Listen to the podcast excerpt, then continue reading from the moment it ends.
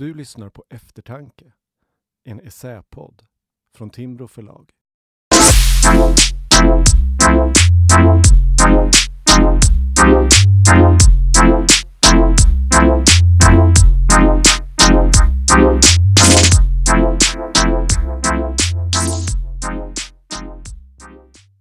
Sedan andra världskriget har den svenska borgerligheten värnat internationellt samarbete. Men nu hörs allt fler kritiska röster mot såväl internationella konventioner som EU. Samtidigt mobiliserar såväl nationalkonservativa krafter i Europa som auktoritära regimer runt om i världen mot mänskliga fri och rättigheter. I det här avsnittet av Eftertanke tar sig Emanuel Örtengren an internationalismens kritiker. Han varnar för risken att högern även i Sverige som traditionellt varit starkt internationellt inriktad, nu vänder sig inåt.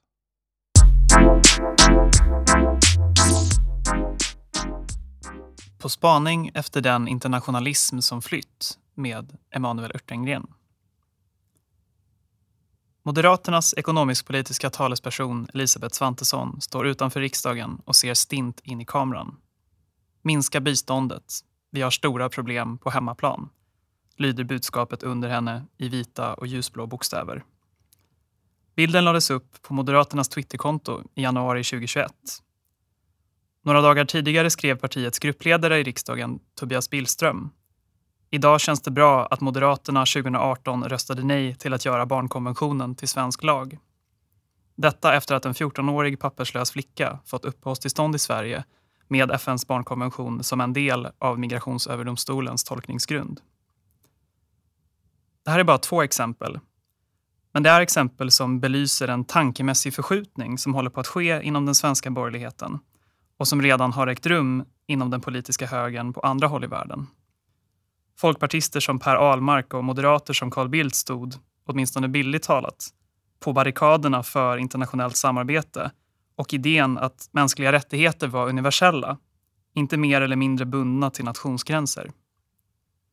Att lösa våra problem här hemma ställs nu upp i motsats till att hjälpa och samarbeta med människor i andra delar av världen.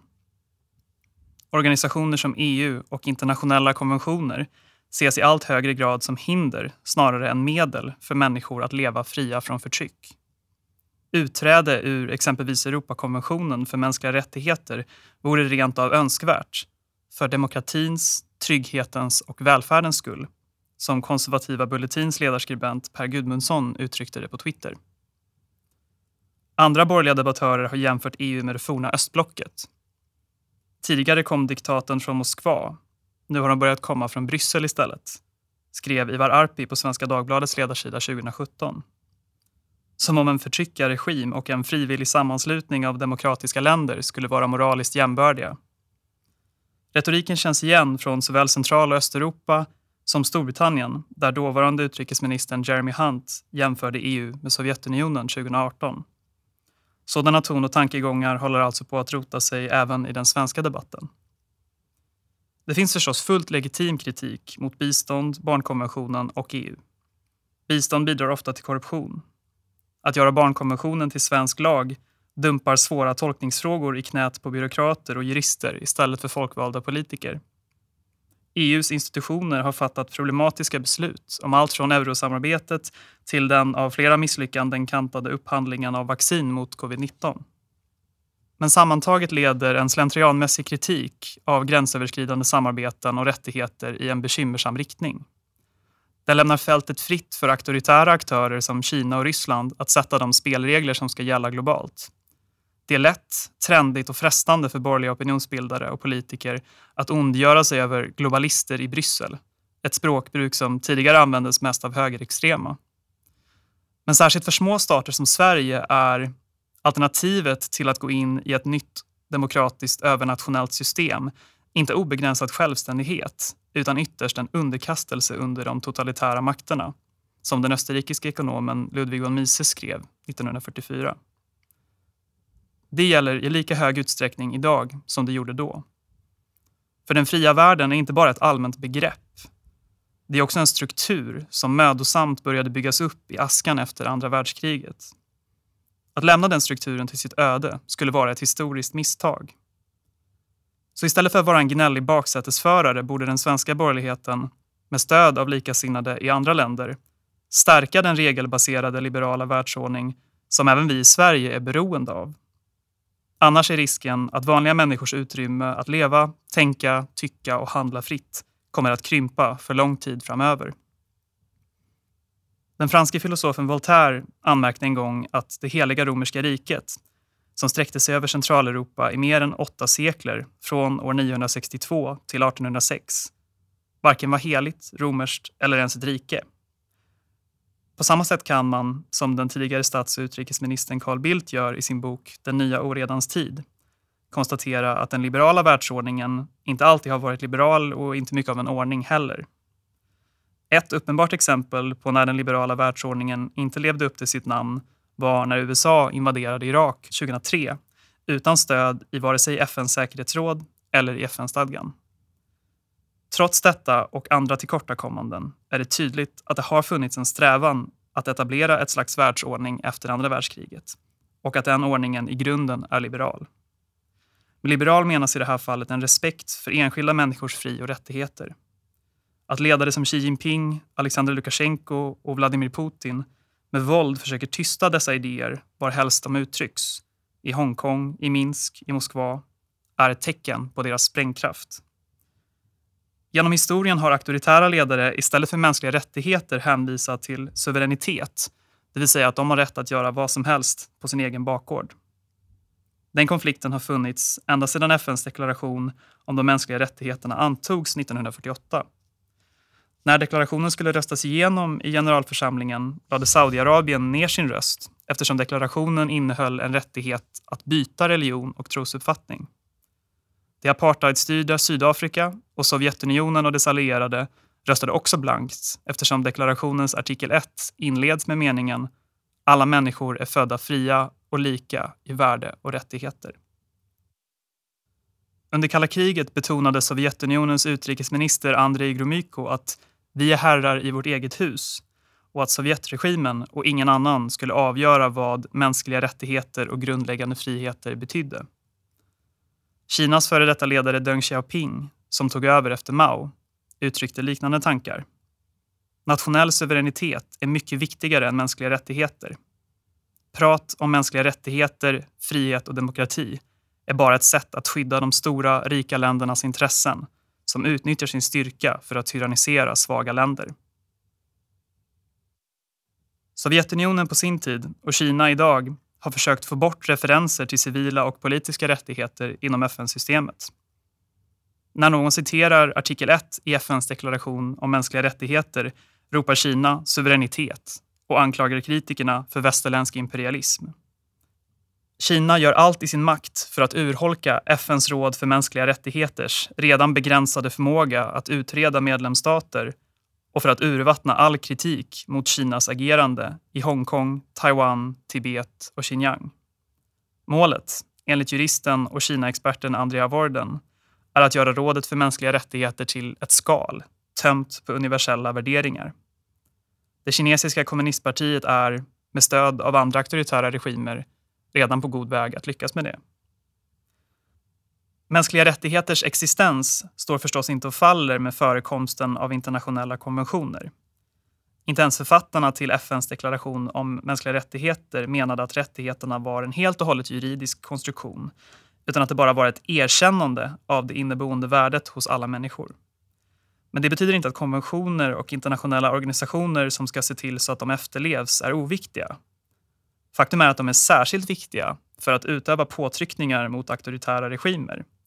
Varför skulle Kina, Ryssland och Iran annars anstränga sig så mycket för att tysta kritiken från dessa organisationer? Även om FNs råd för mänskliga rättigheter har skadeskjutits av förtryckarstater så har det fortfarande en förmåga att förstärka röster från oppositionella som annars aldrig skulle få komma till tals. Till exempel har koalitioner av demokratiska länder i rådet förnyat mandatet för en särskild rapportör om situationen för mänskliga rättigheter i Iran i snart ett decennium. Det är inte idealiskt, men det är till stor del tack vare trycket från FN som Iran har minskat antalet brott som leder till dödsstraff för ungdomar. På motsvarande sätt tar Ryssland allvarligt på att bli fällda i Europadomstolen, även om de inte låtsas om det, enligt Thomas Hammarberg som är tidigare kommissionär för mänskliga rättigheter i Europarådet. Därför är det ett problem att kritiken mot mänskliga rättigheter nu inte bara kommer från auktoritära regimer, utan även från demokratier. När Trump-administrationen lämnade FNs råd för mänskliga rättigheter 2018 lovade USAs dåvarande FN-ambassadör Nikki Haley att främja mänskliga rättigheter i andra forum. Men vilka forum då? FN har unik legitimitet just för att i stort sett alla världens länder samlas där. Trumps budskap i sitt tal till FNs generalförsamling 2019 var att framtiden tillhör inte globalister utan till suveräna och självständiga nationer som skyddar sina medborgare. Det måste ha låtit som ljuv musik i kinesiska, ryska och iranska öron. Trump har vänner i Europa. En av dem var Tjeckiens före detta president Václav Klaus, en känd EU-skeptiker som 2016 fick ta emot ett frihetspris av Sverigedemokraterna. I samband med det ägnade han sitt tacktal åt att kritisera vad han kallade för mänskliga rättigheterismen. Vi underskattade att förhärligandet av mänskliga rättigheter var ett revolutionärt förnekande av medborgerliga rättigheter. Mänskliga rättigheter behöver inte medborgarskap. Därför efterfrågar ismen för mänskliga rättigheter förstörandet av den nationella suveräniteten, speciellt i dagens Europa, sa han då. Talet möttes av stående ovationer av alla som var på plats på Grand Hotel i Stockholm. Nu börjar sådana tankar på att kasta ut grundläggande rättigheter med huvudet före få fäste också i Norden. I Danmark sker något av en kapprustning mellan två nationalkonservativa partier. Det mer etablerade Dansk Folkeparti och uppstickaren Nye Borgerlige. Om vem som kan ta sikte på flest internationella konventioner. Det handlar inte bara om synpunkter på hur asylrätten regleras i praktiken och huruvida det vore bättre med ett kvotflyktingsystem. Det handlar om hur rättigheter ska utgå mindre från individen och mer från nationen. Den skarpaste av dessa kritiker är Dansk Folkepartis vice ordförande Morten Messerschmitt som betraktas som en framtida partiledare av många bedömare. Hans bok Farväl till folkestyret är en rasande uppgörelse med EU, Europarådet, mänskliga rättigheter, internationella konventioner och den liberala demokratin. Bokens premiss är att individens rättigheter tar för mycket utrymme i förhållande till folk och stater. Idag har vi bara dyrkan av individen och hennes rättigheter. Men vi har inget fokus på vilka rättigheter vi har som folk. Har vi som folk rätt till rättvisa? Det är den diskussion som borde föras kring mänskliga rättigheter som idag endast utgår från individens rätt till rättvisa, sa Messerschmitt i en intervju med kolumnisten Karin Svanberg Sjövall i Dagens Nyheter. Messerschmitt har vissa poänger, inte minst i sin kritik av Europadomstolen i Strasbourg. Europadomstolens formuleringar om mänskliga rättigheter är ofta lösa och hastigt formulerade av domare med alldeles för många ärenden på sina skrivbord. Det var till exempel märkligt när Europadomstolen förbjöd Italien från att ha krucifix i offentliga byggnader. Ett misstag som senare rättades till. Konventionen har också tolkats på märkliga sätt av jurister i Sverige som 2015 när Försvarsmakten menade att Europakonventionen förbjöd marinen att använda sjunkbomber och annat dödligt våld mot ubåtar som inkräktade på svenskt territorium i fredstid. Så länge inkräktaren inte förklarat krig skulle marinen alltså bemöta intrång med ena handen bakbunden.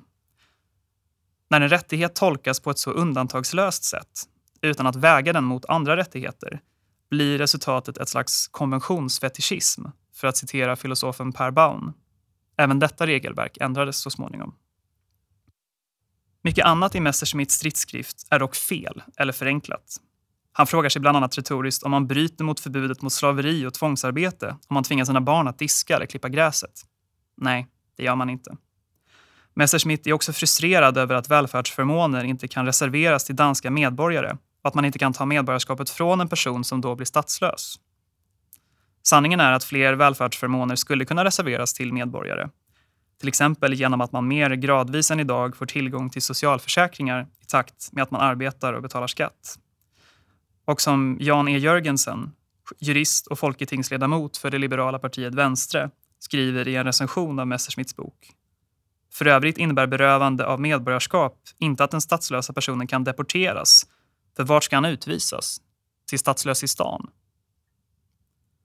Men när debatten inte handlar om hur invandringen ska regleras utan om hur man ska göra sig av med icke önskvärda personer är det sådana frågor som ställs. Messerschmitt och hans meningsfränder vill inget mindre än att göra upp med den internationella rättsordning som de menar att så kallade liberaldemokrater har utnyttjat. För såväl Morten Messerschmitt som för Ungerns premiärminister Viktor Orbán, som populariserat begreppet illiberal demokrati, står det liberala och demokratiska nämligen i motsättning till varandra. Deras syn på demokrati är som ett eko av den kinesiska och sovjetiska synen på mänskliga rättigheter. Det är folkflertalet i fäderneslandet som ska bestämma, menar Messerschmitt. Majoritetens vilja ska råda, punkt slut. Ingen utomstående ska lägga sig i ett lands interna angelägenheter. Därför vänder sig Messerschmitt mot EUs krav på att medlemsländerna ska leva upp till vissa grundläggande värderingar. Med ett sådant synsätt blir det mindre av det liberala, individuella rättigheter, maktdelning, äganderätt, minoritetsskydd i den liberala demokratin. Sådana spärrar mot majoritetsförtryck ses snarare som påfund som påtvingats utifrån av antidemokratiska, globalistiska krafter. Messerschmitt menar att länder som Danmark bör lämna såväl EU som Europakonventionen och mer därtill. För demokratins, trygghetens och välfärdens skull, för att återigen citera Bulletins Per Gudmundsson. Själv drar jag en annan slutsats. Istället för att sluta sig borde demokratiska länder stärka folkstyret och rättighetsskydd. Internationella observatörer från Organisationen för säkerhet och samarbete i Europa, OSSE, har till exempel anmärkt på att valsedlarnas placering i vallokalerna skyddar valhemligheten i Sverige dåligt. Sverige har flera gånger fällts i Europadomstolen för att inte ha levt upp till Europakonventionens rätt till en rättvis rättegång. Vi har fått kritik av såväl FNs tortyrkommitté som Europarådet för våra osedvanligt långa häktningstider. Ibland så långa som 1000 dagar med långvariga perioder av isolering. Och för en av de grövsta rättighetskränkningarna i sentida svensk historia. När amerikansk personal hämtade två egyptier som Göran Perssons regering avvisade till fångenskap och tortyr 2001 har ingen ännu hållits politiskt eller juridiskt ansvarig. Även länder som Sverige har med andra ord gott om anledning att idka självkritik kring hur vi upprätthåller mänskliga rättigheter. Ett starkt försvar för mänskliga rättigheter börjar på hemmaplan, men det får inte stanna där. För att sprida demokrati, liberal demokrati, där enskildas rättigheter respekteras, är inte bara en principfråga. Det handlar också om att skapa förutsättningar för stabilitet. Som historien har visat så kommer regimer som struntar i sina egna medborgares rättigheter och integritet förr eller senare också angripa andra länder. Om inte annat blir auktoritära regimers problem våra i form av radioaktivt nedfall från Tjernobyl eller ett dödligt virus från Wuhan. Det är därför Sveriges och resten av EUs stöd till demokratiaktivister i länder som Belarus och Ryssland är så viktigt. Ja, det är kanske EUs viktigaste uppgift idag. Att skydda oss i unionen från osäkerhet och instabilitet i omvärlden genom att främja de liberala, demokratiska värderingar som EU grundar sig i. Den visionen bygger inte på några stjärnögda drömmar om en federal europeisk superstat. Det bygger istället på insikten att EUs medlemsländer, och i allra högsta grad Sverige, med vårt läge mitt i Östersjöregionen, delar grundläggande strategiska intressen. Och de intressena hänger ihop med att främja demokrati och mänskliga rättigheter, inte minst i vårt närområde. Ett sådant ställningstagande är varken idealistiskt eller realistiskt. Det är både och. Därför bör vi i Sverige se med oro på att vi idag hör till de endast 8,4 procent av världens befolkning som lever i en fullvärdig demokrati. The Economist demokratiindex ligger nu på en lägre nivå än någon gång sedan den första sammanställningen gjordes år 2006. Det kan påverka allt från framtida migrationsströmmar till Sverige till säkerheten kring Östersjön. Det är en utveckling som vi i Sverige inte kan blunda för och som vi inte kan hantera ensamma. Att USAs president Joe Biden lovat att under 2021 anordna ett toppmöte med världens demokratier kan förhoppningsvis bli ett första steg för att bemöta den auktoritära utmaningen mot en liberal världsordning som inte minst Kina står för. Sverige, som kommer att vara ordförande för OSSE i år och ordförandeland i EU första halvåret 2023, har en viktig roll att spela för att föra samman de demokratiska länderna både inom och utanför multilaterala organisationer. EU-ordförandeskapet kan mycket väl ske i början av en mandatperiod med en ny borgerlig regering. Det kräver därför noggranna förberedelser från den nuvarande oppositionen. Utmaningen för borgerligt sinnade internationalister är, på gott och ont, inte att bygga upp ett nytt internationellt system från början, utan snarare att renovera de strukturer som redan finns. Flera konventioner är skrivna för en annan tid och för en annan värld. Den nationalpopulistiska reaktionen mot internationella institutioner beror på den ofta korrekta observationen att organisationer som EU har gått ifrån sitt kärnuppdrag eller lovat runt och hållit tunt. Det är dock inte ett argument för att sådana organisationer inte behövs. Tvärtom borde de multilaterala organisationernas föråldrade strukturer sporra oss som tycker att det är viktigt med liberal demokrati och internationellt samarbete att dels försvara principerna bakom dessa organisationer, dels inte reflexmässigt försvara EU, FN med mera så som de ser ut idag. Borgerligheten måste därför formulera en ny, men fortfarande kosmopolitisk vision för vilken Sveriges roll i världen ska vara, vilka värden vi ska stå för och hur internationellt samarbete bör se ut. Som en annan tidigare bulletinskribent, Susanna Birgersson, skrev efter Moderaternas biståndsutspel med Elisabeth Svantesson så behöver dagens borgerliga alternativ till Fredrik Reinfeldts Öppna era hjärtan inte vara kallsinnig egonationalism.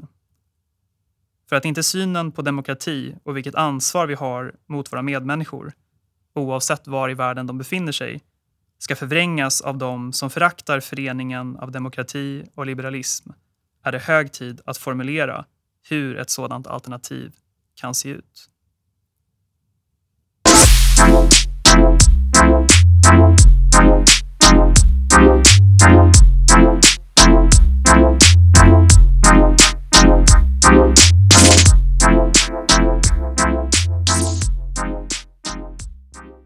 Du har lyssnat på Eftertanke, en essäpodd från Timbro förlag. Inspelning, redigering och musik av Johan Skugge.